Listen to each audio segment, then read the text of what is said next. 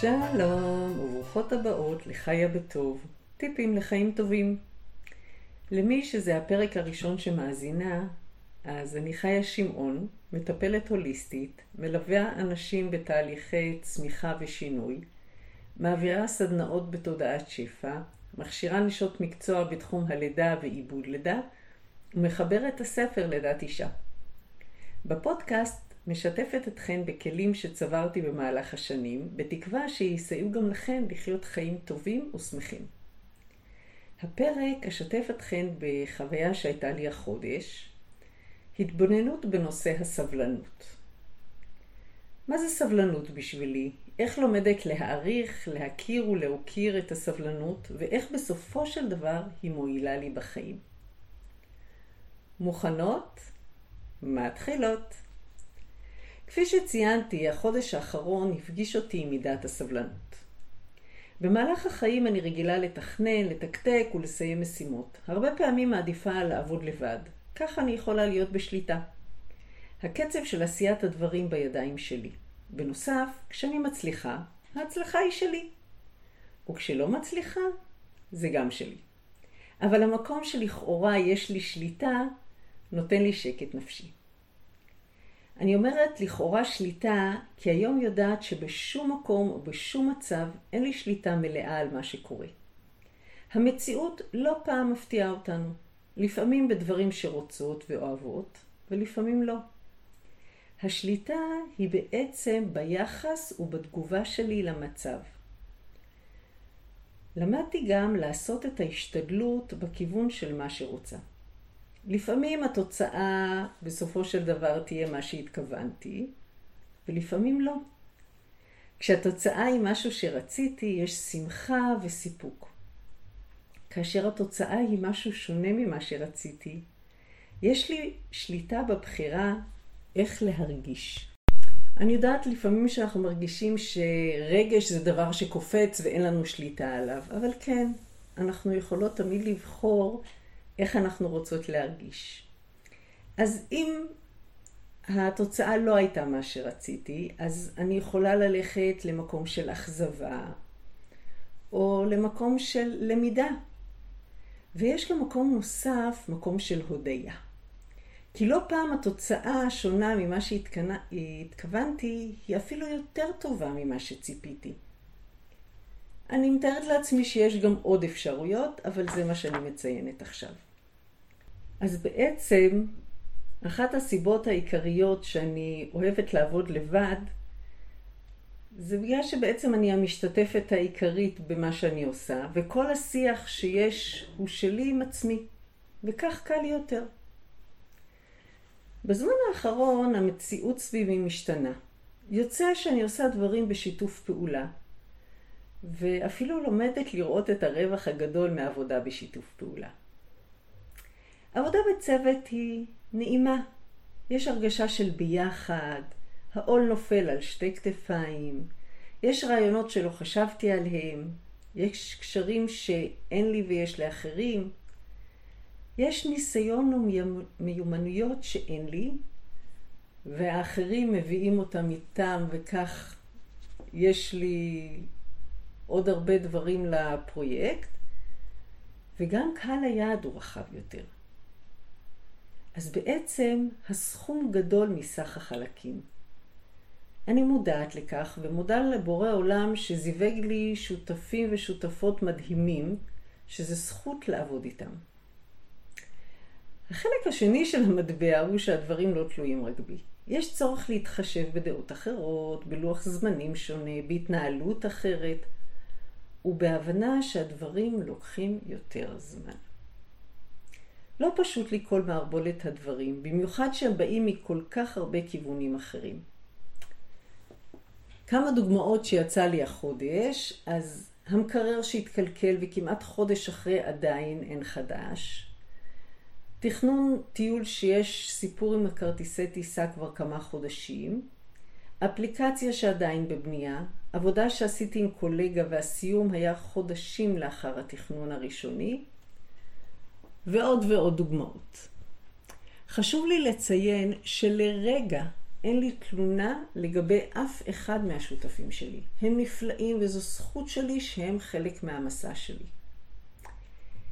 אבל היום בעבודה שלי עם עצמי אני מבינה שיש לי פה איזושהי מראה. כאשר דברים חוזרים על עצמם בחיים שלי, אני מבינה שיש לי כאן מה ללמוד.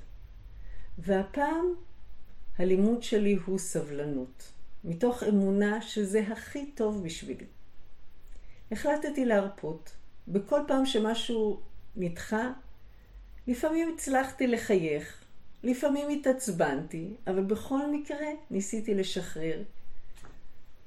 כי בעצם בינינו אין לי מה לעשות. אז אני יכולה לשבת ולהתעצבן, ואני יכולה לשחרר, ואני בוחרת באפשרות השנייה. כמו שאמרתי קודם, מידת הסבלנות היא לא תכונה חזקה אצלי. אני יודעת להרצות עליה נהדר, יודעת שתהליכים לוקחים זמן. כל שינוי מבקש מהגוף והנפש את המקום שלו. זה כמו גז שנמצא בקופסה, והוא ממלא אותה. כשמעבירים את הגז לקופסה גדולה יותר, לוקח זמן לגז להתפשט עד שהוא תופס את המקום. עכשיו, כשהוא מפושט, הוא אוורירי יותר, ויש גם מקום לדברים נוספים להיכנס. אז ההתרחבות הזו היא חלק מתהליך. היא לוקחת זמן, אבל כשעושים אותה נכון, היא מאפשרת לעוד הרבה דברים טובים להיכנס. כל צמיחה מלווה בכאבי צמיחה. זה כמו שעוברת למקום חדש. יש את הזמן שעוזבת את המקום המוכר, ועדיין לא נמצאת במקום החדש. כמו למשל אונייה, שעוזבת נמל אחד בדרך לנמל אחר, ועכשיו היא בלב ים. כאשר כבר לא רואה את נמל המוצא, ועדיין לא רואה את נמל היעד. יש הרבה אי ודאות. זה יכול להיות מקום מפחיד. חלק בלתי נפרד מהליכה אל החדש היא הלא נודע, החוסר ודאות. כי כמו שאיינשטיין אמר, אם רוצה להיות במקום שלא הייתי עד היום, אני צריכה לעשות דברים שלא עשיתי עד היום, וזה לא פשוט. לכן, כשמבינה שנמצאת בתהליך, הולכת עקב בצד אגודל, בקצב שמתאים לי, וכך לאט לאט הגוף והנפש מתרגלים לשינוי. דרך נוספת לעבור את השלב המאתגר היא להסתייע באנשים סביבי, שמכירים ויודעים ויכולים לתת לי יד, וכך מקילים את המעבר. זה עוד פעם מחזיר את המקום של עבודה בשותפות, בקצב אחר, ולהסכים להיות במקום של הלא נודע ושל הסבלנות. אני יודעת שאין קפיצת הדרך. חשוב לעשות את כל השלבים. זה כמו בסולם. כאשר עולות שלב שלב, הרגליים מוצאות את הקרקע היציבה בשלב הבא. הידיים מספיק ארוכות לתמוך בשלב הבא. אבל כאשר מנסות לדלג שלבים, המעבר יהיה פחות יציב ויש יותר מקומות לנפילה. אני לא יודעת אם שמעתם את המשפט של כל המתנה היא מתנה. זה נשמע איזושהי קלישאה, אבל כבר ראיתי במהלך השנים שלמרות שההמתנה היא קשה, בסופו של דבר למדתי שבדרך, בזמן ההמתנה, למדתי לא מעט דברים. עד היום כשדברים השתבשו לי בתהליכים עם שותפים, הייתי מתעצבנת ויורדת על הצד השני. ההתנסויות וההמתנה סייעה לי להבין שזה אנושי לטעות, שיש עיכובים, יש עוד דברים בעולם, יש עוד חיים מלבד הפרויקט שלי. או כמו שנעים לי בלב כשמתחשבים ומקבלים בהבנה טעויות שלי והתעכבויות שלי, אני רוצה גם להבין את הצד השני. כמוני גם הצד השני עושה את הטוב ביותר שלו בזמן הנתון, וזה נפלא. כילדה שגרה בבית ביקורתי, שהאמנתי במשך שנים שביקורת מדרבנת למצוינות או לעשייה טובה, שינוי החשיבה לוקח זמן. אז אני שמחה שהתהליך שההמתנה והסבלנות מביאות איתן, עוזרות לי אה, להגיע למקום החדש. הנה כמה דוגמאות של מתנות מהחודש האחרון. לגבי המקרר. אז נכון שעדיין אין לי את המקרר החדש, אבל יש לי יותר זמן לשאול ולברר איזו חברה טובה, על מה כדאי להסתכל כשבוחרת מקרר, איזה פונקציות כדאי שיהיו בו, גודל, צורה, ואז כשאני אבחר מקרר, אני אוכל לעשות את זה הרבה יותר מהר, וגם אני אגיע למקרר שיהיה לי טוב. לגבי האפליקציה, אז יצאה גרסה ראשונית, שאנחנו, אלה שקשורים אליה, תרגלנו אותה, ומצאנו דברים שכדאי לשפר. דברים חדשים שלא חשבנו עליהם, שבעצם אנחנו יכולות לעלות עליהם רק בזכות תרגול, ואז ההמתנה הזו מביאה לכך שכשהאפליקציה תצא לקהל הרחב, היא תהיה הרבה יותר עשירה ממה שחשבתי. הסכמה לשחרר את התוצאה, להוריד מעל הכתפיים שלי אחריות ולתת לבורא עולם לפתור את הבעיות באופן יצירתי. כשאני בהמתנה ואני משחררת, מחליטה שלא חושבת על העניין ביומיים הקרובים, איך אני אפתור את הבעיה, איך זה יתקדם, מפתיע כמה פעמים פשוט הדברים מסתדרים לבד. המתנה היא מתנה. מניסיון יודעת שלפעמים רק לאחר מעשה אוכל לראות את היתרונות בהמתנה. דוגמה שעולה לי בראש, לפני שלוש שנים תכננו מורה שלי ליוגה ו... ואנוכי להוציא מסע לאומן. בנינו תוכנית נפלאה, פרסמנו, ולהפתעתנו אף אחת לא נרשמה. זה היה מאוד מוזר, כי היו נשים שביקשו שכאשר נוציא מסע נספר להן כי הן היו מעוניינות. למזלנו, לא הזמנו כרטיסים מראש, החלטנו שכאשר יירשמו נזמין. ההמתנה שנשים יירשמו הביאה איתה מתנה, כי בסופו של דבר פרצה הקורונה.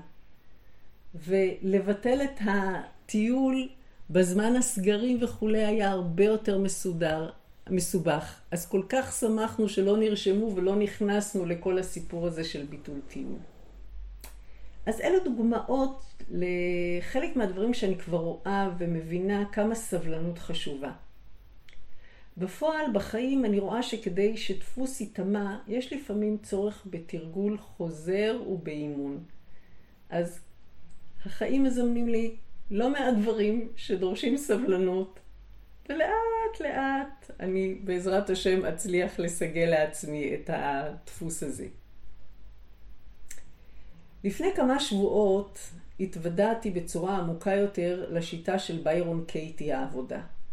דרך הפסיכולוג אריק פלג. יודעת כבר הרבה זמן את העוצמה של המחשבות. מה שלמדתי מהשיטה זה עוד עומק, כלומר המחשבות יושבות על אמונות ודפוסים מהעבר.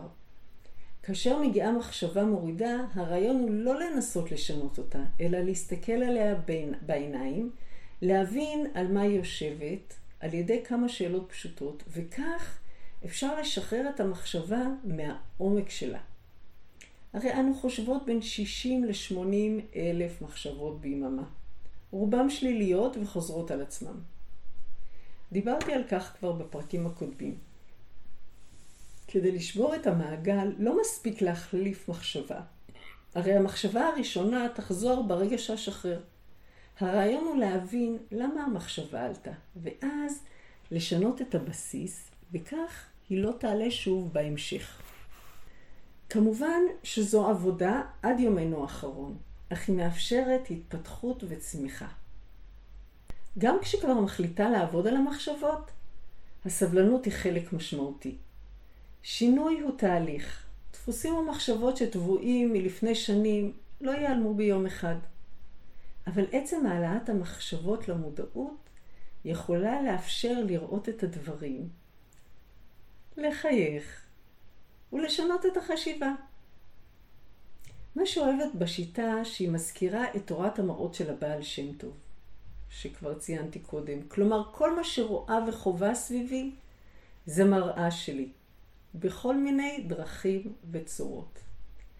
גם על תורת המראות יש לי פרק שלם שאתן אה, מוזמנות לגשת ולשמוע.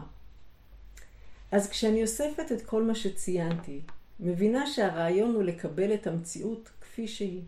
כשהמציאות מזמינה לי דברים שנעימים לי, מנצלת את הזמן ונהנית מהם. מודה ומצפה שעוד יגיע. כאשר יש אתגר, לראות את המחשבה העיקרית שעולה, לעבוד איתה, ובעבודה איתה מוצא דפוסים שכבר לא משרתים אותי. וכאשר מסכימה לשחרר אותם, פתאום נגלים לעיניי דברים שלא ראיתי, כי הייתי שקועה בלראות את מה שהפריע לי. הסבלנות מזכירה לי שיש עוד חיים ארוכים לפניי. יש זמן, לא למהר. ליהנות מהדרך, מהתהליך. כך מרוויחה הרבה דברים בחיים, את הנופים בדרך, ולא רק את נקודת הסיום. תודה על המרחב של הפודקאסט הזה, שאני יכולה לשתף וככה להעמיק את הלמידה ולתרגל, ואני מקווה שזה גם נותן לכן אה, נקודת ראות ואולי כלים להשתמש בהם בשבילכם. אז זהו להפעם. שלום ולהתראות.